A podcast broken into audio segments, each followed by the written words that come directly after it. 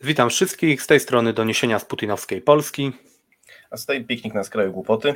I razem tworzymy podcast dezinformacyjny, w którym rozmawiamy o prawdzie, kłamstwie, informacji, dezinformacji, mediach i ogólnie o przestrzeni informacyjnej polskiej polityki. Dzisiaj zapraszamy na drugi odcinek pod tytułem Samobójcza misja Matiego, czyli dlaczego Andrzej Duda powierzył misję tworzenia rządu Mateuszowi Morawieckiemu, który tej misji przecież nie wypełni. Zacznijmy od tego, co się stało. Otóż tydzień temu, w poniedziałek, Andrzej Duda zapowiedział, że właśnie powierzy tę misję Mateuszowi Morawieckiemu. Dodajmy, że tydzień temu już było dobrze wiadomo, że PiS nie ma większości, że żadna z partii demokratycznych nie zdradziła, nie przeszła na stronę PiSu, e, że PiSowi nawet z Konfederacją brakuje tam prawie 20 miejsc, żeby taką większość uzyskać i to jest nie, no, tylu posłów nie da się przekupić. E, Andrzej Duda tydzień temu zapowiedział, że właśnie tę misję powierzył Morawieckiemu, i wczoraj na pierwszym posiedzeniu Sejmu e, tak właśnie uczynił, właściwie po tym posiedzeniu, no i mu tę misję powierzył. Z tego powodu um, pojawiło się w przestrzeni kilka teorii, dlaczego tak właściwie się stało. Pierwsza mówi, że e, PiS nadal liczy na to, że taką większość uzyska, że Morawiecki w te dwa tygodnie, bo tyle na to ma, sformuje ten rząd, który otrzyma wotum zaufania od Sejmu. E, druga teoria zasadniczo mówi, że chodzi tylko o kupienie czasu, żeby PiS um, troszeczkę więcej posprzątał w ministerstwach, może jakichś dokumentów więcej zniszczył bądź spalił, potopił jakieś laptopy i dyski yy, i może troszeczkę jeszcze sobie wypłacił różnych tantiem, yy, nagród, premii, bonusów, rozwiązał parę konkursów ministerialnych, no to, to, to ma sens, ale jakby to nie jest chyba wszystko. No i pojawiły się też teorie takie e, odwołujące się do rzekomego geniuszu, genialnego stratega z Żoliborza. Te teorie zasadniczo mówią tak, że to jest taki wielki spisek mający generalnie na celu utopienie Mateusza Morawieckiego, że e, PiS rękami Dudy daje mu tę misję, ta misja jest nie do wypełnienia, więc Morawiecki poniesie porażkę, i w ten sposób się ośmieszy i to będzie taki pretekst, żeby go jakoś odstrzelić, usunąć, jakoś pogrążyć w tych pisowskich strukturach. I my głównie o tej teorii chcieli, chcielibyśmy porozmawiać, a także w kontekście tego, że jest to taka pochodna jednego z takich politycznych mitów, które w Polsce funkcjonują chyba od roku 2015 mniej więcej, ale być może nawet trochę dłużej, to jest właśnie ten mit o tym genialnym strategu, czyli że Kaczyński zawsze wie, co robi, że Kaczyński y, zawsze gra na szachownicy ośmiowymiarowej, ma wszystko zaplanowane pięć kroków do przodu że nawet jakby wszedł do wanny pełnej wody i wrzucił do niej podłączony toster, to i tak było to przemyślane i znowu oszukał wszystkich i znowu zrobił tę opozycję no teraz już rząd praktycznie y, w konia, bo znowu był od nich mądrzejszy i tak dalej, i tak dalej, bo on jako jedyny jest do tego zdolny. Y, I o tym dzisiaj właśnie porozmawiamy. Więc pikniku, może zaczniesz właśnie od tego, jak to jest z tym geniuszem Kaczyńskiego, a właściwie z naszym jego postrzeganiem.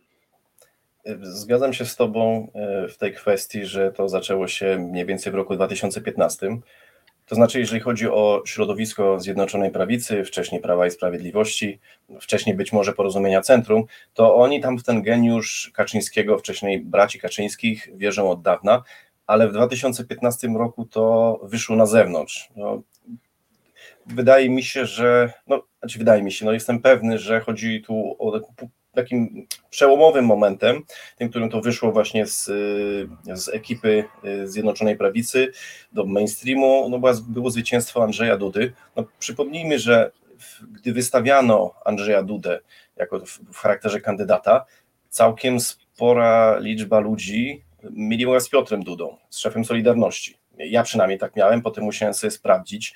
No, jak sobie sprawdziłem, okazało się, że to nie jest ten Duda. Pewnie jak ktoś mieszkał w Krakowie, to go tam rozpoznawał, ale dla, dla Polaków był on taki, no, dla szerszej rzeszy Polaków był on nierozpoznawany. Jeszcze warto w tym momencie przypomnieć o tym, że y, na początku roku 2015 Komorowski miał, sondaż Millward Brown był 65% poparcia, Duda miał jakieś 20 parę, no a potem, a potem z sondażu na sondaż Komorowski miał coraz mniej, Duda miał coraz więcej. Koniec końców Duda te wybory wygrał. I dla części ludzi to był tak ogromny szok, że zamiast pogodzić się z tym, że to jest wynik tego, że Komorowski miał po prostu tragiczną kampanię, no gorzej się nie dało. Nawet ta z 2010 była, była lepsza, y, że Komorowski przegrał właśnie przez to, to oni woleli uwierzyć w to, że to wszystko przez, dzięki geniuszowi Kaczyńskiemu, bo geniusz Kaczyński w 2015 roku wiedział, już na samym początku, no, czy 2014, bo to wtedy już chodziły plotki, że Duda zostanie wystawiony, że on przewidział, że Duda te wybory wygra. I, i, i tyle. I to jest, to już nie ma dyskusji. Kaczyński jest geniuszem. Wiesz, to już jest oczywiście anegdota, ale jak się dyskutowało potem z różnymi ludźmi, już po tych, po wyborach, już po wyborach parlamentarnych, to oni nie dali sobie wytłumaczyć, że to właśnie była wina kampanii źle przeprowadzonej. Nie. Kaczyński, on to wszystko przewidział. To jest właśnie tak jak mówiłeś, szachy 5D. Tak, i to się chyba wpisało też w to, że e, ogólnie pod koniec rządów PO-PSL, czyli w roku 14-15, no generalnie chyba po tym jak Tusk ich osierocił, Mm, no ta, tamta władza była ewidentnie zmęczona, już im się trochę nie chciało i PiSowi udało się wygrać e, narracyjnie także w tej bańce antypisowskiej, taką opowieść, że oto właśnie odchodzi ta stara, zmęczona władza, tutaj taki młody, pełny wigoru PiS, prawda, z tym 65-letnim wtedy prezesem, właśnie wchodzi do gry, pełen świeżych pomysłów i tak dalej. No i rzeczywiście to mm, zwycięstwo Dudy bardzo to wzmocniło, no bo wzięto gościa znikąd, który, tak jak powiedziałeś, miał tam w sondażach po 20%, a 3 miesiące czy 4 miesiące później wygrał wybory nagle. E, ja bym do tego jeszcze dodał, że mm, nie tylko to zwycięstwo PiSu przekonało część dziennikarzy i komentariatu. Ja może podkreślę, że nie mówimy o dziennikarzach i komentariacie propisowskim, tylko ogólnie o takim mainstreamie. Więc e, nie tylko to przekonało część tego komentariatu, że mm, Kaczyński to jakiś wielki geniusz, który tutaj cuda osiąga w polityce, ale ja bym powiedział, że być może nawet ważniejsze było wzmocnienie tego efektu przez następne 8 lat, bo przez następne 8 lat, no jakby na to nie patrzeć, kilkadziesiąt procent Polaków nie głosowało na PiS, a jednocześnie non-stop PiS te wybory wygrywał. Więc rodziło to takie naturalne poczucie bezsilności. Ja też to miałem, prawda? No też głosowałem nie na PiS, też wydawało mi się absolutnie oczywiste, że na PiS nie należy głosować, a jednocześnie no, co kolejne wybory tam samorządowe, europejskie, parlamentarne, prezydenckie, okazywało się, że no jednak więcej procent Polaków uważa, że będzie głosowało na PiS. Więc i, i jakby oczywiście rodziło to pytania, no dlaczego tak się dzieje? Pamiętasz na pewno, że wielokrotnie y, w internecie to już w ogóle się zmemizowało nawet, takie powiedzonko, że no w normalnym kraju to jedna taka afera to by zmiotła rząd, a w PiSie tych afer jest 100, 200 i się nic nie dzieje, tak? Mm, ja jakby zawsze się sprzeciwiałem mówieniu, y, znaczy wyciąganiu z tego wniosku, że to jest właśnie objaw jakiegoś geniuszu Kaczyńskiego. E, raczej podkreślałem, że Kaczyński po prostu na tyle zabetonował system, na przykład przyjmując prokuraturę, że te, te afery nie mają ciągu dalszego i po prostu nie wpływają na słupki, e, że elektorat PiSu jest karmiony tą propagandą z TVP i też się o tym nie dowiaduje i tak dalej, i tak dalej. Natomiast po naszej stronie, tej antypisowskiej, my wiedzieliśmy o tych aferach, prawda? E, wydawało nam się, że wszyscy o nich wiedzą, bo duże media o nich pisały, a jednocześnie PiS tak. wygrywał kolejne wybory.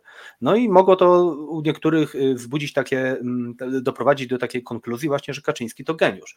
I tutaj na obronę tych mediów i komentariatu tylko powiem, że w tym roku, w tej kampanii było tego na szczęście trochę mniej.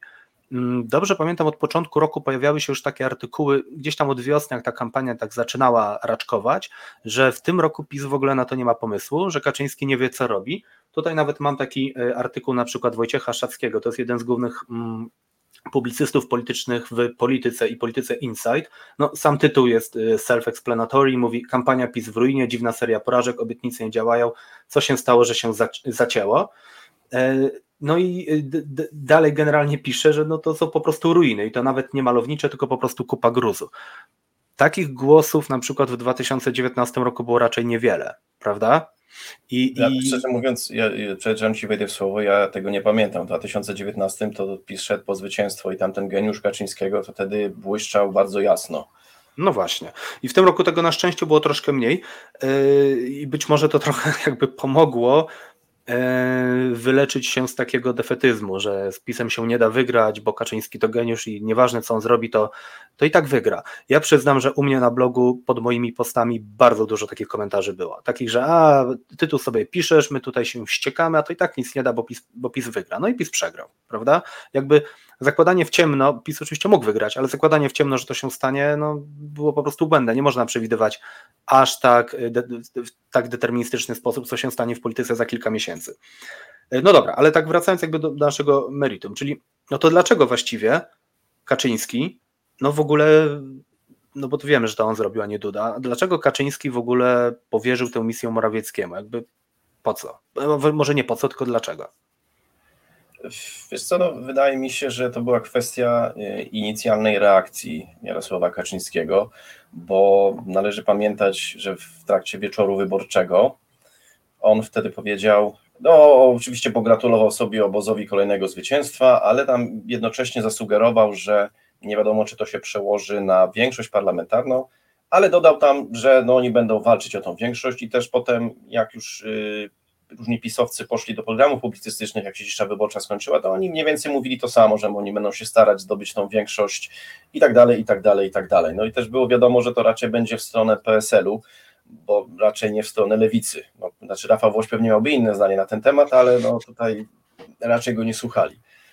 I, i ponieważ Kaczyński się przyzwyczaił, no miał 8 lat na to, żeby się do tego przyzwyczaić, że kiedy on czegoś chce, to on to dostaje, to tutaj też pewnie było tak, no zaraz będą przykłady o tym, jak, jak to było, że on chciał i dostawał, to pewnie też było tak, że Jarosław Kaczyński powiedział, że mają szukać większości i potem już nikt nie był mu w stanie wytłumaczyć, no panie prezesie, no to się nie uda, nie da rady, no bo jak pan prezes chce, to pan prezes dostaje.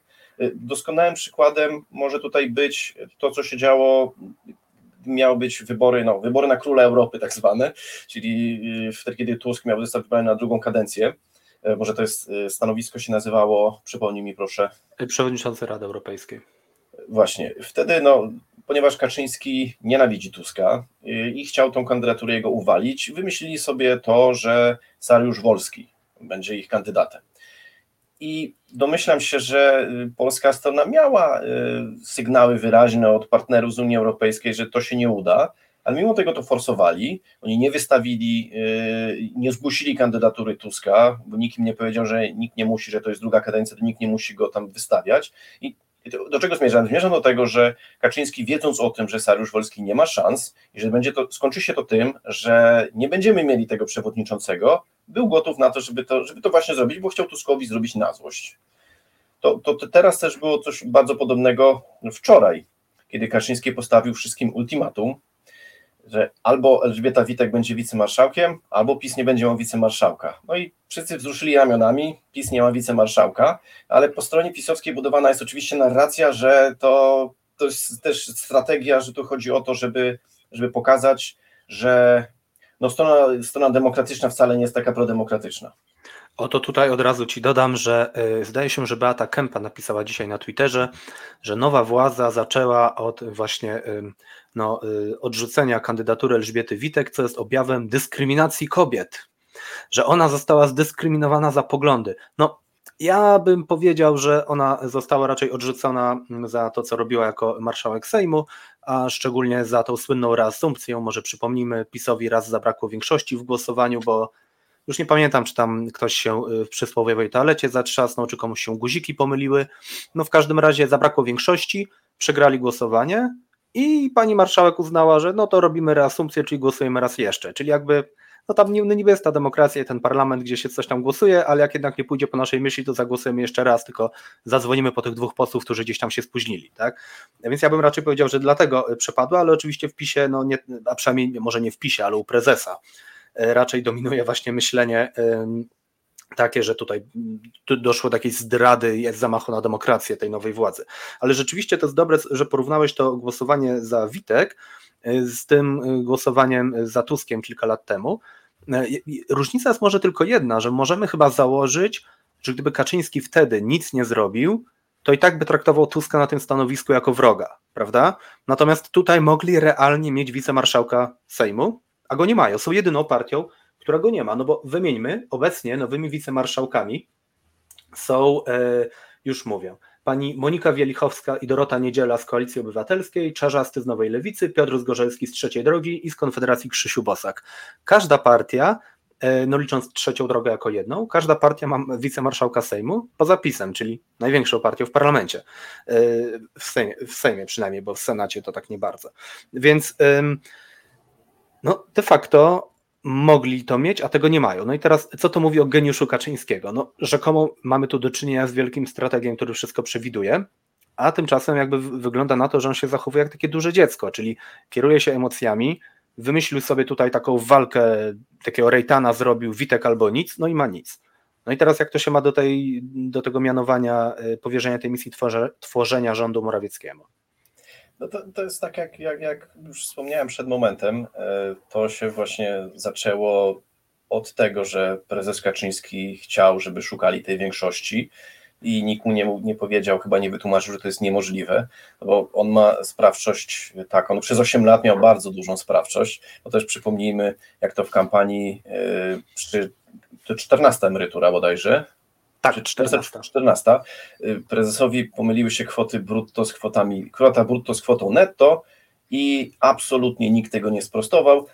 Woleli wypłacić wyższe, znaczy, oczywiście z, z punktu widzenia emerytów bardzo dobrze, natomiast no, założenie było inne, to miała być kwota brutto, ale się mu, pomyliło mu się, więc wypo, woleli poświęcić ileś tam miliardów złotych, wypłacić to więcej niż przyznać, że no, prezes jednak czasami może się pomylić. Tak, i to jest tutaj najważniejsze, bo to, że on się pomylił, to się zdarza. Yy, on jest starszym panem, jest zapracowany, a poza tym ludziom tak się czasem netto i brutto myli, ale my już, to, to było niezwykłe, bo to był taki już wręcz yy, orwellowski yy, przypadek, prawda, że no lider pomylił, no po prostu się pomylił. No, na litość boską, ludzie się mylą i zamiast tak, i ani y, on tego nie, nie przyznał, ani nikt inny później nie powiedział, no choćby premier, prawda? No sorry, prezes się pomylił, no chodziło o brutto. Nie, tylko dopisano do budżetu tam bodajże 8 czy 10 miliardów złotych. Czyli no a gdyby on się pomylił, że jest ruch lewostronny, no to nie wiem, no to by w Polsce nagle wprowadzili ruch lewostronny z dnia na dzień.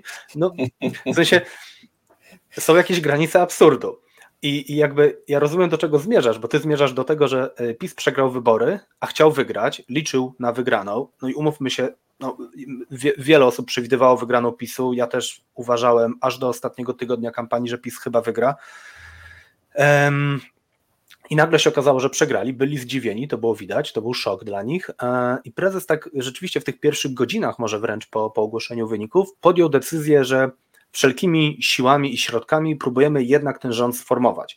I o ile w pierwszym okresie po wyborach można było mieć obawy, ja też je po części miałem, choć nie dawałem temu wyraz publicznie, ale miałem, że być może któraś z partii, na przykład jacyś PSL-owcy albo hołowniowcy do, do Kaczyńskiego dołączą, no to tam po tych dwóch tygodniach, jak oni te uchwały kolejne podejmowali, że tworzą koalicję z KO i z Lewicą, no już jakby by, by, byliśmy chyba bezpieczni, a, a PiS nadal to robi. Ja tutaj się odniosę jeszcze na moment do tego, y, co powiedziałeś, y, co ludzie sądzili już po samych, jaka była opinia ludzi po, po samych wyborach. Ja się przyznam, że ja z kolei może nie tyle byłem pewny PSL-u, bo nie można być pewnym PSL-u, ani całej trzeciej drogi. Natomiast y, no, mam w pamięci to, jak PiS traktował PSL przez 8 lat, ale wcześniej, bo należy przypomnieć, że jak były wybory samorządowe w 2014 roku, kiedy tam PKW zaliczyło poważną wtopę e, z, systemem informatycznym, ale też to były chyba ostatnie wybory, w których była książeczka i okazało się, że część ludzi no, nie ogarnęła tego, że jak jest ta książeczka, to nie głosujemy na każdej stronie, tylko po prostu w książeczce. PSL wtedy miał no, ponieważ PSL miał chyba właśnie na pierwszej stronie byli, no mieli bardzo dużo głosów, znacznie więcej niż to wychodziło z sondaży, no stąd się też wziął ten mit, o którym wspominałeś w swojej książce Sfałszowanych Wyborów Samorządowych w 2014 i no, ten PSL, no, były te, no, trzeba przyznać, że część, y, część tych y, propagandzistów pisowskich wtedy znacznie mieli mniejsze zasięgi, ale intonowali piosenki też ośmiogwiazdkowe, tylko że zamiast PiSu tam był właśnie PSL, co im przypominano, rzecznik PSL-u im to teraz przypominał. Y, wyciągano im polityków, wyciągano im przecież do PiSu posłów. Tam ktoś, nie pamiętam już nazwisk, ale jak okazało się, że Andrzej Duda powie, prezydent Andrzej Duda powierzy Morawieckiemu tą misję, to, to niektórzy dziennikarze żartowali właśnie, że pokazali nazwiska tych byłych PSL-owców, że oni właśnie dostaną z, z ramienia PSL-u, będą pełnili takie, a nie inne funkcje w rządzie. Także tutaj, no, mówię, no, można było oczywiście domnie, znaczy domniemywać, można było się zastanawiać nad tym, czy czegoś takiego nie da się przeskoczyć przez to, że im się odpowiednio dużo da. I te narracje były testowane, ja to na Twitterze, no przepraszam, na Elonexie widziałem, jak tam pojawiają się wrzutki, że Kosiniak-Kamysz zostanie premierem i najlepsze jest to, że to się potem potwierdziło, bo to potem Morawiecki powtórzył, że on mógłby być ministrem w rządzie Kosiniaka-Kamysza.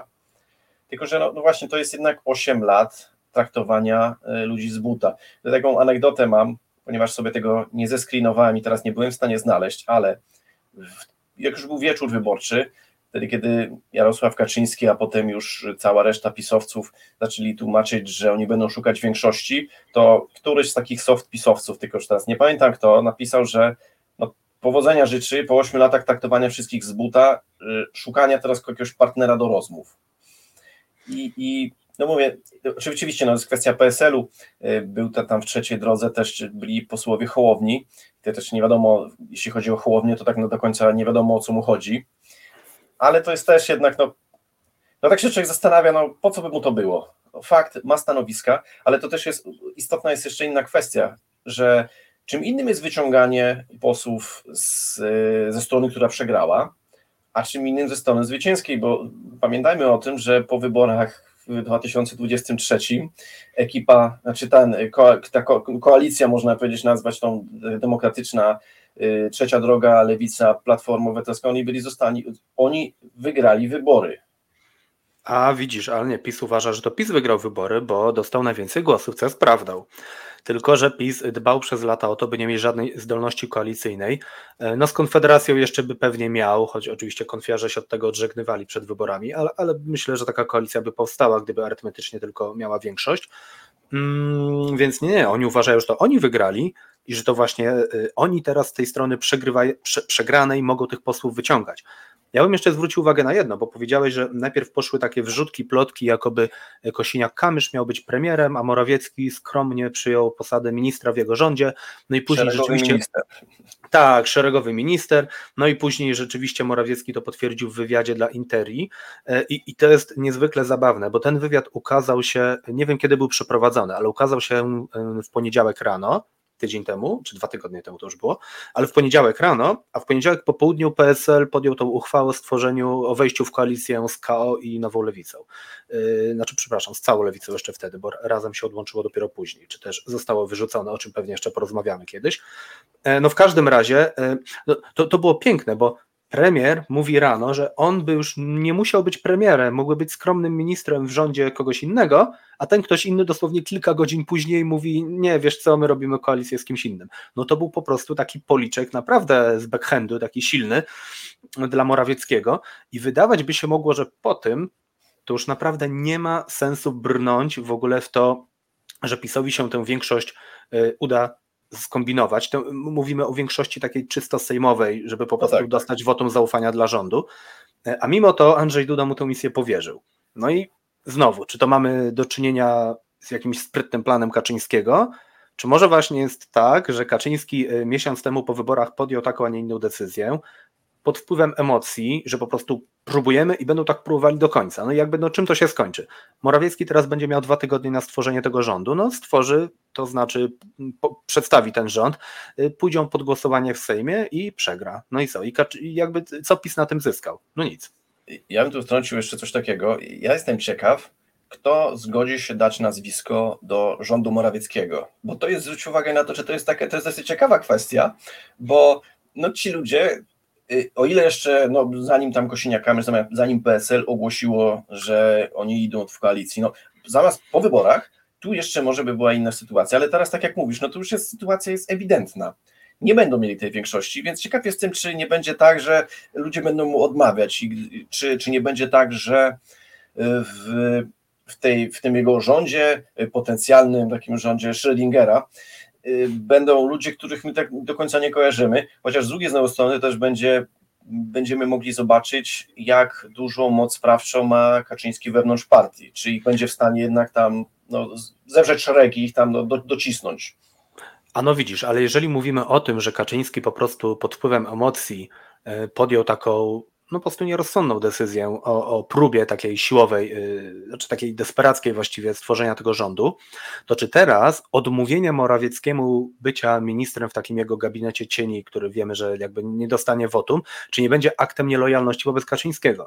Czyli jeżeli teraz Morawiecki powie, ok, to na przykład, yy, dajmy na to, Jacek Sasin chce, żeby dalej był ministrem aktywów państwowych, a Sasin powie, yy, wiesz co, stary, nie, ja już, ja już jednak, już mi wystarczy, yy, dziękuję, zostanę posłem, to czy to nie zostanie odebrane jako, no ale zaraz, chwila, przecież to nie jest projekt Morawieckiego, tylko prezesa z Żoliborza, genialnego stratega i on wie, co robi. No to, mm, to co, to tylko statek troszeczkę zboczył z kursu, już od razu z niego wyskakujesz, to znaczy, że nigdy nie byłeś lojalny. Więc może być tak, Ciekawe, czy tak będzie. To jest tylko taka hipoteza moja, jakby nie, nie, nie, nie upieram się przy niej, ale może być tak, że oni będą właśnie y, zgadzali się dawać twarz i nazwisko do tego wirtualnego rządu y, Morawieckiego Schrödingera.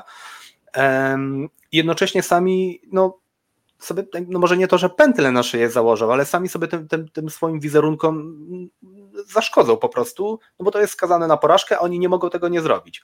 Ciekawe, czy tak będzie. No też, też jestem ciekaw, też jestem ciekaw właśnie, czy oni się tam jednak te nazwiska swoje dadzą. Y, a czy tu jest jeszcze inna kwestia, że y, no, no nie, nie wiem, czy Morawiecki raczej. To jest też ciekawe, coś, co mnie ciekawi, bo tak teraz szybko zebrałem myśli, czy Morawiecki sam z siebie chciał to robić, jak już tam prezes wydał dał sygnał do szukania większości, czy też no, został do tego y, skłoniony, czy mu się nie pozwolono wycofać. A jak myślisz, co, jaki jest w ogóle cel Morawieckiego, taki y, długofalowy? Czego on chce?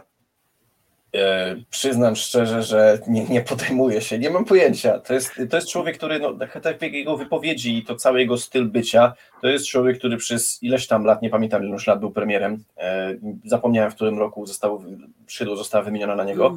W 18 styczniu chyba. Więc no 5 lat ponad. 5 lat, 5 lat. Przyzwyczają nas do tego, że on robi to, co mu każą. Naprawdę, tak to wyglądało z zewnątrz. Te jego wypowiedzi, też y, cudowne, to jest no to oczywiście y, aparat propagandowy robił z niego jakiegoś genialnego mówcę, tego się nie dało słuchać, to było po prostu wykute na blachę.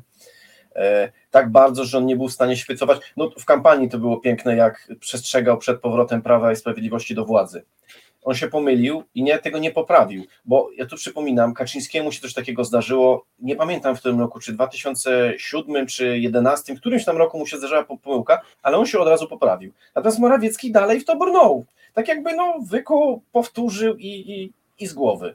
Tu ci chodzi o tą pomyłkę, że nikt tam nie mówi, że czarne jest czarna, białe jest białe, tak? Nie, nie, nie, nie, nie. Kaczyński nie? tylko mówi, no to jest coś, teraz sobie tego nie znalazłem, ale on miał w trakcie jednej y, jakiegoś tam objazdu kampanijnego miał wypowiedź, że której właśnie ten albo, albo mówił, że on y, przestrzega przed właśnie prawem i sprawiedliwością, albo że będzie namawiał do głosowania na Platformę Obywatelską. Coś takiego mu się zdarzyło, ja tylko wtedy się potrafił przyznać, że od razu się cofnął, wszyscy się zaczęli śmiać i tyle. No teraz właśnie pytanie, Jakie... co by było, jakby, jakby teraz się pomylił. Jakie to były piękne czasy, gdy Kaczyński jeszcze potrafił się do błędu przyznać. E, tak, no właśnie, tak. ale czy, czy myślisz, że jeżeli teraz Morawiecki w te dwa tygodnie e, no, poniesie porażkę, no bo poniesie, to co, Morawiecki, y, nie Morawiecki, tylko Kaczyński. A widzisz, ja mogę się przyznać do błędu. E, Kaczyński e, przyzna się do błędu też właśnie? To jest ciekawa kwestia. Ja bym tutaj taką krótką anegdotę zrobił, znaczy zrobił, bo powiedział. Pamiętasz chyba e, w wyborach, po wyborach w Stanach Zjednoczonych w 2020 roku było całe całkiem sporo ludzi, którzy byli przekonani o tym, że Trump ma jakiś plan. I owszem, pewnym sensie on miał plan, bo liczył na to, że Sąd Najwyższy tam nie no, Sąd Najwyższy, do którego on tam powkładał ludzi, opowie się po jego stronie i no, pozwoli mu wygrać wybory. To się nie sprawdziło, ale tam na każdym etapie, na każdym etapie, jak już coś się działo, jak już yy, podliczono głosy, to, to wszystko spływało, to tam byli ludzie, którzy tłumaczyli, że to Trump ma plan. To wszystko jest, yy, to wszystko jest zaplanowane. Najpierw był właśnie Sąd Najwyższy, potem, że kolegium elektorów nie zatwierdzi wyboru, następnie, że Trump wszystkich aresztuje, jak będą zebrani, żeby byli właśnie zaprzysiężenie. Tego, tych teorii było całe mnóstwo i dlaczego, dlaczego o tym wspominam? Bo zastanawiam się nad tym, czy tak nie będzie teraz, że jak Mateusz Morawiecki wotum nie dostanie, no raczej nie dostanie, wszystko na to wskazuje, chyba że Geniusz Kaczyński nas zaskoczy, to że po tym, jak nie będzie tego wotu, pojawią się kolejne teorie, z których będzie wynikało, że okej, okay, to było zaplanowane, bo teraz y, Kaczyński będzie się starał zrobić coś, że Tusk, no bo najprawdopodobniej on będzie desygnowany na, na, na premiera, Tusk też nie będzie miał wotum, wtedy piłeczka wróci do Morawieckiego i wtedy on wejdzie cały na biało. No, naprawdę ja nie jestem w stanie niczego wykluczyć już w tej, w tej sytuacji. A, a jeżeli nawet jeżeli nawet y, nowy rząd z Donaldem Tuskiem zostanie sformowany, to oczywiście będzie, na pewno znajdą się tacy, którzy powiedzą, że y, no tak, ale to też był, to też jest taki przemyślany ruch Kaczyńskiego, bo on teraz da temu rządowi się ośmieszyć, skłócić tych lewaków z tymi liberałami, z tymi konserwatystami, prawda, wierzących z niewierzącymi i tak dalej, i tak dalej i wtedy w glorii i chwale y, Kaczyński za pół roku wróci w jakichś przedterminowych wyborach. Co do Donalda Trumpa, jeszcze tylko jedna uwaga, bo to jest dość ważne, okay. on się tam rzeczywiście miotał narracyjnie, ale jednak e, pewne, pewna forma planu tudzież spisku istniała, ją stworzył i, za, i, zapisał na papierze taki jeden z jego prawników, John Eastman. Polecam wszystkim o tym, e, kiedyś być może zrobimy odcinek, e, który, w którym dotkniemy tej kwestii bardziej, ale polecam wszystkim wygooglowanie, czym była notatka Eastmana, bo to była de facto tam 5-6 punktowa instrukcja nieuznania wyników wyborów, i no, de facto przedłużenia do, do, władzy Donalda Trumpa na drugą kadencję. I ta notatka istnieje i ona była przedmiotem badań tej komisji e, parlamentarnej Unii, która się zajmowała tymi wydarzeniami z 6 stycznia, tym atakiem na Kapitol, więc tam jakiś plan był. Natomiast tutaj, no jakby, no ja nie widzę, jaki plan może mieć Kaczyński. No przegrał, to przegrał, teraz próbuje wszystkich przekonać, że y, z jednej strony, że wygrał, a z drugiej, że przegrał, ale przez Niemców, jakichś tam lewaków i tak dalej, nie? Wiesz co, tu jest jeszcze jedna istotna kwestia, bo jak już wspomniałem wcześniej o wyborach y, nieudanych Sariusza Wolskiego, ja wtedy zebrałem sobie do kupy wszystkie te narracje pisowskie, z okolic tych wyborów, ich było ponad 40. Jeszcze mi potem dopisywali ludzie w komentarzach. One wszystkie były ze sobą sprzeczne. E, jak się je zebrało do kupy, nie miało sensu, ale już po tym, po wszystkim, pojawia się jeszcze jedna. To były takie niszowe konta, ale to byli ludzie, którzy do końca walczyli. Otóż tam stwierdzono, że Kaczyński to jest genialny strateg i on to zrobił specjalnie po to, żeby Tusk został wybrany na drugą kadencję, bo dzięki temu nie wróci do polskiej polityki. No i patrząc na to, co się stało po tym, jak wrócił, to wiesz, no, ale widzisz, ci, ci ludzie walczą, także jakieś te teorie pewnie będą. Natomiast nie mam pojęcia, no się, pytanie, czy Kaczyński się przyzna do błędu, czy też przypadkiem, no, czy nie, zastanawiam się nad tym, czy w Prawie i Sprawiedliwości w ogóle istnieje szansa i możliwość na to, żeby doszło tam do przewrotu pałacowego. Czy tam już jest tak zabetonowane te Prawo i Sprawiedliwość jak yy, Węgry, sytuacja polityczna na Węgrzech. Wiesz co, to o tym ludzie spekulują od lat, obawiam się, że zbyt mało wiemy, bo z jednej strony jest na pewno dużo prawdy w takim stwierdzeniu, które jest często powtarzane od lat, że bez Kaczyńskiego to się tam pożrą, bo tam jest tyle tych frakcji, koterii, które się nienawidzą. Oni się naprawdę szczerze nienawidzą. Ludzie Morawieckiego z ziobrystami, zakon PC z ludźmi prezydenta, y, Beata Szydło ma takie swoje małe środowisko, Jacek Sasin na takiego udzielnego barona tutaj wyrasta. No jest tych środowisk koterii trochę i my, my oczywiście nie wiemy, kto tam z kim i przeciwko komu trzyma, a jeszcze teraz dodatkowo ta nowa sytuacja tam zamiesza w tym kotle dodatkowo. Z drugiej strony czyli, czyli to byłby jakby argument y, za tym, że y, tam może dojść do takiego przewrotu, ale znaczy, przepraszam, że nie może dojść do takiego przewrotu, bo mhm. bez Kaczyńskiego to się rozpadnie. No z drugiej strony Kaczyński ma tyle lat, ile ma. Widzimy, że, że właśnie troszkę nie ogarnia, prawda? Jest już tak, tak. troszeczkę taki odklejony, znaczy nie troszeczkę, tylko bardzo odklejony. O tym może nawet świadczyć jego wczorajsza wypowiedź po tym pierwszym posiedzeniu Sejmu. Widziałeś? To jak nazwał Tuska lumpem, czy... Tak, tak, tak, tak. Gdzieś go tam dziennikarze dopadli na tych sejmowych schodach i on zaczął coś mówić, że yy, no bo Tusk tutaj mówił coś o chlaniu i biciu żon. Ja nie pamiętam, może Tusk kiedyś, kiedyś dawno temu coś takiego mówił, ja sobie nie przypominam, a natomiast nawet jeśli tak, to to było w ogóle wyrwane z kontekstu, znaczy w sensie to, co, to że Kaczyński to zacytował, w ogóle nie miało, mm, nie odnosiło się nijak do pytań, które mu zadawano, po czym Widzisz, powiedział, nie, że. Nie, do, nie geniuszu prezesa, na pewno za tym stał jakiś, jakiś arcydelikatny plan. Potężny skrót myślowy być może. Tak, jeszcze, tak, tak. jeszcze chciałbym tylko powiedzieć co do tych sprzecznych narracji. My na pewno w tych odcinkach, w których będziemy zwalczali różne takie mity polityczne, na pewno jeszcze nie raz o tym powiemy, ale podkreślmy, że puszczanie w obieg wielu sprzecznych narracji jest typową praktyką y, takich ok, nie chcę tutaj może nadużywać znowu słowa reżim, ale władz, które y, w taki autorytarny sposób myślą o, o rządzeniu państwem. Na przykład ym, propaganda rosyjska robi to non-stop. Wyobraź sobie na przykład, że w kontekście wojny w Ukrainie propaganda rosyjska potrafi jednocześnie kierować dwa kompletnie sprzeczne przekazy do, y, do Europy, generalnie do różnych środowisk europejskich. Czyli na przykład europejskiej lewicy, Generalnie się mówi, że Ukraina to państwo nazistowskie, no bo lewica jakby genetycznie nienawidzi faszyzmu, nazizmu. Natomiast europejskiej prawicy podkreśla się to, że Zełański pochodzi z żydowskiej rodziny i się mówi, że Ukraina to państwo w ogóle żydowskie. No, te dwie rzeczy naraz nie mogą być prawdą, prawda? No, albo, albo jest to państwo nazistowskie, albo żydowskie, no na litość boską. I podobnie to działało na przykład... Wydaje no. mi się, że trzeba by zapytać Grzegorza Brauna o to, by nam to wytłumaczył. no na pewno, ale podobnie to też działało przy właśnie kampanii y, amerykańskiej, tyle że w roku 2016, gdzie y, wszystkie te trole protrampowskie korzystając z analiz Cambridge Analytica, e, one, też jednocześnie puszczały dwie różne narracje, czyli na przykład tym takim białym, konserwatywnym wyborcom mówili, że e, Hillary Clinton to ona tutaj zrobi jakieś straszne multikulti, w ogóle będzie zalew kolorowych ludzi, a jednocześnie czarnym wyborcom, tym biedniejszym szczególnie mówiono, że ona jest taką przedstawicielką tego białego, bogatego establishmentu, prawda, który e, no, wyzyskuje ten kraj i gnębi tych biedaków takich jak oni. No jakby no albo, albo, tak? albo, albo będzie zalew kolorowych ludzi, albo nienawidzisz kolorowych ludzi i jesteś przedstawicielem białego establishmentu. I, I PiS robi dokładnie to samo od lat, prawda? Różne narracje, które się wykluczają, po prostu są targetowane do różnych grup. Wiesz co, wydaje mi się, że to się zaczęło y, w momencie, w którym media społecznościowe zaczęły odgrywać bardzo dużą rolę w tym, jak, w jaki sposób y, że przyswajamy politykę no ja to fachowo, znaczy fachowo, przepraszam, nie fachowo, tylko fachowo. Y, ja sobie to nazwałem, że to, co robi PiS, to jest takie używanie wielonarracji, to jest właśnie mówienie bardzo wielu różnych, różnych rzeczy, które po zebraniu do kupy y, no, no, bardzo źle wyglądają, nie wyglądają, nie jest to spójne. To u Trumpa też było, bo on, to to, że te trole trumpowskie to rozrzucały, to jest jedno, ale że jak się człowiek posłuchał wypowiedzi Trumpa jakiejś dłuższej, to to się w ogóle kupy nie trzymało. Ale nie, jest... przepraszam, nie, nie, nie da się posłuchać dłuższej wypowiedzi Trumpa, to jest fizycznie niemożliwe. Powyżej dwóch minut po prostu twój mózg odmawia współpracy. Wytrzymałem, pewnie będę parę lat krócej przez to żył, ale dałem radę.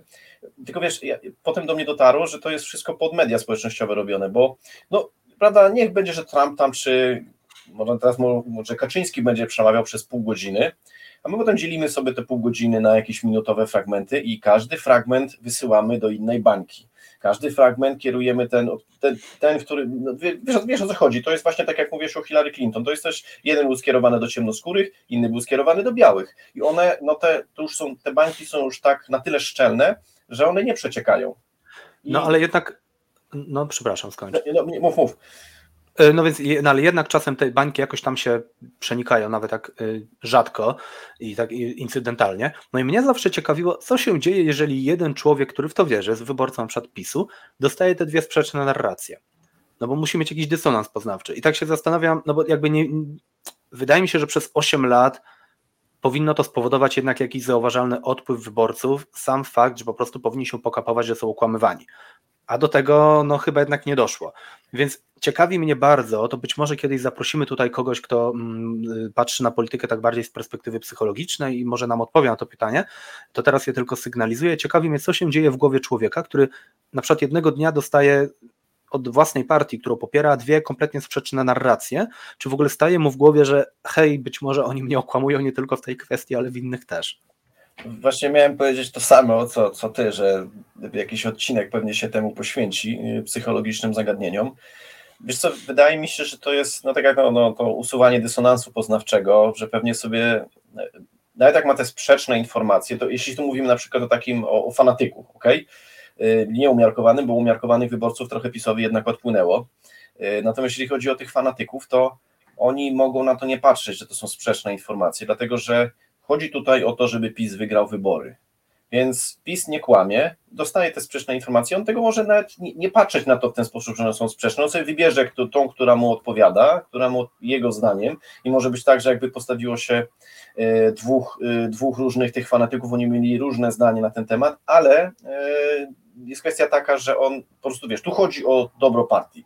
Więc nie, nie myślimy o tym w ten sposób, nie, nie, nie, nie wchodzimy w jakieś rozkminy takie, czy partia kłamie, czy partia nie kłamie. Wydaje mi się, że tak, tak może być. Natomiast mówię, no to jest też warto by jakiegoś jednak porozmawiać z kimś, kto się na to, na to patrzy troszeczkę inna, inna, z innej perspektywy. Ja bym jeszcze jedną rzecz powiedział, bo jedno mnie ciekawi, bo zastanawialiśmy się na tym właśnie, co będzie z Kaczyńskim. Mnie, yy, mnie z kolei ciekawi to, jak szybko i czy odwrócą się od niego prawicowi propagandyści. Bo ja mam tutaj taki, taki piękny cytat. tak, tak, teraz jak się na to patrzy, na to, jak jest Kaczyński traktowany właśnie jako geniusz, to dla nas to jest coś, co jest stałe, prawda? To jest już taki, to, to, to jest niezmienne. Ale jeszcze na przykład w 2014 roku było inaczej. Były wybory do Parlamentu Europejskiego, w których po raz pierwszy od bardzo dawna e, Janusz Korwin-Mikke razem z swoimi kolegami się dostał. No stało się to dlatego, że była niska frekwencja, oni mieli, on miał zawsze zmotywowany elektorat, więc tutaj się no, nastąpiła synergia, wszedł do, wszedł do Europarlamentu i nie kto inny, a Rafał Siemkiewicz bardzo ciekawie to skomentował u siebie. Y, momencik już to, to było 26 maja 2014. Cytuję. Jak Korwinowi, Korwinowi udało się wygrać za 27 razem, to teraz już na pewno Jaro nie da się do niczego przekonać, ani na jotę. I ciekaw jestem, jak, y, czy i, i jeżeli tak, to jak szybko oni do tego wrócą, że no, kiedy się pogodzą z tym, y, znaczy pogodzą, kiedy zaczną tłumaczyć, bo im to będzie, będzie się im to opłacało, że Jarosław Kaczyński jednak nie jest geniuszem i że jednak troszkę zawalił, zdarza mu się czasami srogo pomylić. Ja myślę, że e, teraz po prostu wyjdzie na jaw, kto tam był z przekonania, kto tylko dla pieniążków, bo pieniążki się skończą. Nie wiemy jeszcze, jak nowa władza mm, rozwiąże problem TVP. Są różne pomysły, być może jeszcze o nich będziemy rozmawiali, ale no twierdzą, że to zrobią. Na pewno skończą się nieuzasadnione ekonomicznie de facto dotacje państwowych spółek dla tych wszystkich mediów, Sakiewicza, Karnowskich i tak dalej. Prawdopodobnie skończą się konkursiki, które będą po znajomości wygrywali. No krótko mówiąc, źródełko wyschnie i nawet jak ci ludzie sobie zapewną no. Jeszcze jest taka kwestia, że tam pewnie jakiś audyt będzie zrobiony, bo jestem przekonany, że my nie znamy skali tego wszystkiego, jaka, jaka była stała tego. O, tutaj to jest jak najbardziej użycie tego słowa zasadne, tego rozdawnictwa, bo to jest nic innego jak rozdawnictwo. Tak, tak, to, to może podkreślmy, tutaj nie chodzi tylko o to, że dajmy na to Orlen umieszczał swoje reklamy na przykład w Gazecie Polskiej. Orlen ma prawo umieszczać reklamy w Gazecie Polskiej, tylko chodzi o to, że te reklamy, i na to są paragrafy, na to są ustawy, które po prostu łamano, mm, że mają umieszczać zgodnie z interesem ekonomicznym spółki, czyli jeżeli y, spółka państwowa wybiera y, umieszczenie reklam wartych kilkadziesiąt milionów rocznie w gazecie, która ma sprzedaż powiedzmy 10 tysięcy, a za 0 zł, czyli w ogóle nie umieszcza reklam w gazecie, która ma 100 tysięcy, to działa ze szkodą dla spółki, no bo jakby reklamę robimy po to, żeby ją zobaczyło jak najwięcej ludzi, prawda? I to się działo od 2015 roku, no może 16 non-stop, tak? I to, to, to jest kwota, mówimy o kilku miliardach złotych, które zostały de facto przez spółki Skarbu Państwa do różnych mediów pompowane i ewidentnie były pompowane z klucza e, ideologicznego prawda? E, ewidentnie w przypadku takich mediów jak Sakiewicz czy Karnowscy, o tym pewnie jeszcze kiedyś szerzej powiemy, to było kilkadziesiąt procent ich przychodów. Te media były de facto utrzymywane. I to się teraz skończy. I teraz jak zadałeś pytanie, zobaczymy, y, którzy propagandyści i ilu będą nadal tutaj mówili, y, że Kaczyński to geniusz, a ilu przyzna, że no może jednak to jest starszy pan, który już nie ogarnia, y, to, to zobaczymy tak naprawdę ilu, ilu to robiło dla pieniędzy, a ilu z przekonania a ilu być może zaczynało dla pieniędzy, a z czasem wyrobiło sobie przekonanie. A nie wiem, czy z Karnowskimi tak właśnie nie jest, wiesz? Ale wracając jakby, żeby do konkluzji może jakiś dojść, dobra? Bo musimy powolutku kończyć. Okay. Czyli tak, e, Morawiecki dostał misję tworzenia rządu, ma na to 14 dni. Nie uda mu się, zgadzamy się? No, tu się akurat zgadzam. Bo... Tu, tu się zgadzamy. Czyli teraz tak, czemu to zrobiono? No, niektórzy twierdzą, że to jakiś kolejny sprytny myk e, Kaczyńskiego. E, no, chyba się zgadzamy, że raczej nie. Była to taka inicjalna reakcja zaraz po wyborach, emocjonalna, że próbujemy walczyć do końca i to jest po prostu ciąg dalszy tej reakcji. Wiesz co, tak teraz sobie pomyślałem, że mogło być też tak, że wewnątrz PiSu uszyto dookoła tego może nie jakąś teorię, tylko jakieś konkretne działanie, że jak już on to zrobił, to tam, no wiadomo, te środowiska się bardzo szybko potrafią dostosować do wszystkiego, więc jest bardzo możliwe, że efektem tego, że Mateuszowi Morawieckiemu się nie uda stworzyć rządu, czy stworzyć rząd mu się uda, ale nie będzie miał wotów, będzie to, że faktycznie jego stronnictwo tam dostanie po łapach od innych stronnictw. To się może stać. Natomiast założenie było takie, że no po prostu Jarosław Kaczyński chciał, Jarosław Kaczyński miał to dostać. No tak, znaczy to tak, to oczywiście zgadzamy się, że y, stronnictwo Morawieckiego dostanie po łapach, ale to nie znaczy, że to było zamierzone działanie. To może być po prostu efekt uboczny tego, że PiS próbuje ten rząd jednak stworzyć. Ciągle być może sam prezes chyba, bo poza nim to już pewnie mało kto wierzy, że tę większość jakoś tam się uda zmajstrować, no i się po prostu nie uda. No i nie możemy wykluczyć może jeszcze jednego scenariusza, mm, choć ja bym go tutaj raczej rzeczywiście potraktował jako taki poboczny, no da im to rzeczywiście te dwa tygodnie na to topienie laptopów i intensywne używanie niszczarek, e, no niszczarki intensywnie używane, szczególnie jak się karty kredytowe tam wrzuca, dosyć szybko się potrafią stępić, e, a ostrzenie mm, nie jest takie ekspresowe, więc rozumiem, że kolejne dwa tygodnie rzeczywiście mogą się przydać. Mm, ja bym jeszcze tutaj dodał jedno, nie wiem, czy czytałeś tę umowę koalicyjną. Tam jest taki punkt dotyczący rozliczeń, bez w ogóle cały rozdział dotyczący rozliczeń PiSu. Tam jest dość, szczegółowo wypisane, za co będą go rozliczali. Jest punkt poświęcony fałszowaniu dokumentów. Mi się wydaje, że ten punkt oznacza, że mm, po stronie nowo, nowo tworzącego się rządu demokratycznego, że oni mają kwity, mają papiery na to, czyli że do nich musieli się zgłaszać sygnaliści. No bo skąd indziej mógłbyś wiedzieć, że w ministerstwach fałszowano dokumenty? Prawda? A oni zawarli ten punkt na równi z innymi, co wskazuje mi na to, że tam owszem, zachodzi ten proces niszczenia i niszczarki lecą pełną parą, prawda? Ale mimo wszystko prawdopodobnie nie od wczoraj i nie od wyborów, tylko być może od dawna, dawna cały szereg aparatczyków PiSu przewidywał i się zabezpieczał na przyszłość i przynosił kwitę opozycji. No, to, to jest bardzo możliwe, no bo przecież nie tylko Jarosław Kaczyński musi mieć teczki na wszystko. E, czy wiesz, bo jeszcze gdyby to było, y, bo to jest w umowie koalicyjnej, gdyby to była wcześniej zapowiedź, to można by było pomyśleć, że to jest takie e, wiesz, zarzucanie, nęcenie, żeby kogoś tu przyciągnąć, no ale jeśli to jest tam zawarte, to już można mieć, y, no można mieć pewność y, w kwestii tego, że już jakieś kwity są i że to niszczenie, tak jak mówisz, no, no niewiele, tylko jeszcze będą mieli problemy z tym, że potem zniszczyli te dokumenty, także to jest też, też mogło być po to, żeby ich troszeczkę tam no, no, powstrzymać. No, nie oszukujmy się, to nie był pierwszy raz, jak oni, bo to y, po 2007 roku y, Zbigniew Ziobro oddał zniszczonego laptopa, y, to, to, tak, chyba tak, pamiętam? tak. Chyba tak. No, mhm. Także no, pechowa sprawa, akurat jemu się to przydarzyło. No, to akurat możliwe, jemu. Przepraszam, to na pewno, to na pewno był tylko zwykły przypadek, no, nic innego. Oczywiście, nie, że Ziobro by tego nie zrobił. Oczywiście. Wiesz co, jedna rzecz mnie zastanawia, a to już jest, no to już na, na, na pewnie na, na, inny, na inny odcinek, po co Andrzejowi Dudzie to było, bo po co obozowi PiSu, ja rozumiem, oni odchodzą, ale on jeszcze zostaje przez jakiś czas. To jest ciekawe, dlaczego on, on zaczął, się zdecydował na to, żeby jednak grać w grę. I myślę, że tym, tym, tym pytaniem możemy zakończyć, bo ono tak być może dobrze wchodzi temat, który poruszymy. Ja bym chciał poruszyć w najbliższym czasie, czyli kolejnego takiego mitu funkcjonującego w tym mainstreamie, który to mit może nie to, że pochodzi z PiSu, ale na pewno jest PiSowi y, miły, bliski jego sercu i to jest taki mit mówiący, że ten, ten Duda to jest tak naprawdę nie jest w tym PiSie, nie? I że on tak wiesz, w końcu się wybije na tą niepodległość. Ja tylko przypomnę, bo ja rozumiem, że teraz się zmieniły warunki, PiS przegrał wybory i rzeczywiście Duda ma więcej powodów teraz, by się wybić na niepodległość, ale chciałbym tylko powiedzieć, że o tym, że on się wybija, było mówione od początku drugiej kadencji, nie, nie, nie, od ponad nie. trzech lat. Przepraszam, tutaj muszę Ci wejść słowo. Y, to się pojawiło już teraz sobie nazwiska nie przypomnę, ale to był artykuł zaraz po tym, e, bodajże w Newsweeku, no teraz mówię, to, jest, to, jest, to, to się da znaleźć. E, jeden z dziennikarzy napisał, że o, tutaj może być tak, że ten Duda się może właśnie na niepodległość, bo przecież pismu nie jest w stanie nic zrobić. I to było, to było na dobrą sprawę od pierwszej kadencji. I zwróćcie uwagę też na szybkości gdy było pierwsze jego weto, e, jeśli chodzi o tę ustawę do Sądu Najwyższego, tam część zawetował, czy coś tam zrobił, już wtedy wszyscy się nagle na to rzucili, że on tu się Aha. wybije na niepodległość. No. Tak, tak, to, to, było w, y, to było w czerwcu bodajże 17 roku, y, ale y, od drugiej kadencji już zniknął ten argument, że no bo PiS mu nie pomoże w kampanii. I rzeczywiście no tak. zaczęto mówić, że no teraz to on już jest zupełnie niezależny, bo i tak idzie za 5 lat na emeryturę. No i z tych 5 lat minęły ponad 3 i co? I on dalej był aparatczykiem PiSu. Więc być może... Mm, pytanie, czemu on to robi teraz, brzmi, no bo być może odpowiedź brzmi, no bo on dalej jest aparatczykiem PiSu, po prostu. Nie?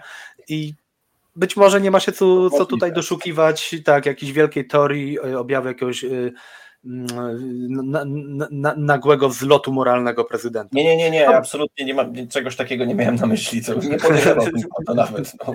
Dobra, no to, no to tym może y, takim kompromisem skończmy, czyli y, konkluzja główna chyba z dzisiejszego odcinka jest taka, że nie mamy znowu, nie mamy do czynienia tutaj z jakimś objawem wielkiego geniuszu Jarosława Kaczyńskiego, tylko chyba właśnie z taką dziecinną emocją, że on mm, przegrał, zabrano mu zabawki, on się z tym nie chce pogodzić, więc tam macha pięściami i krzyczy, mimo że y, ci y, inni chłopcy z tymi zabawkami już poszli, to on tam nadal siedzi i krzyczy, a niektórzy na to patrzą i myślą, że jemu o coś chodzi, być może on tu ma jakiś gęsty, wielowarstwowy plan. Tak, mniej więcej tak to wygląda, nie?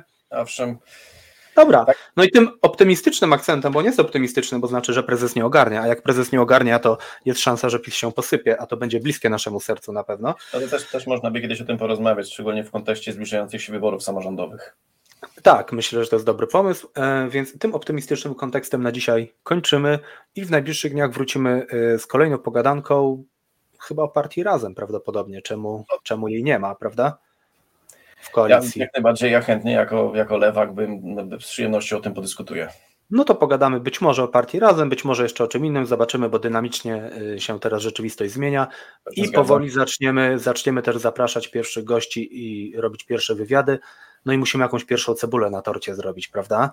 Mamy tutaj wstępny pomysł porozmawiać o, o tej y, micie, tudzież no, kłamstwie, tudzież dezinformacji, y, jakoby w Polsce funkcjonowała, słuchaj, licząca sobie no, kilka milionów wyborców partia niemiecka, nie? Nie chodzi o mniejszość niemiecką, trzeba od razu dodać. Nie, nie chodzi o mniejszość niemiecką z okolic Opola, tylko chodzi o tą partię przez tego Donalda Firdoislanda prowadzoną. I o tym będziemy na pewno mówili. Do zobaczenia wszystkim. Do zobaczenia.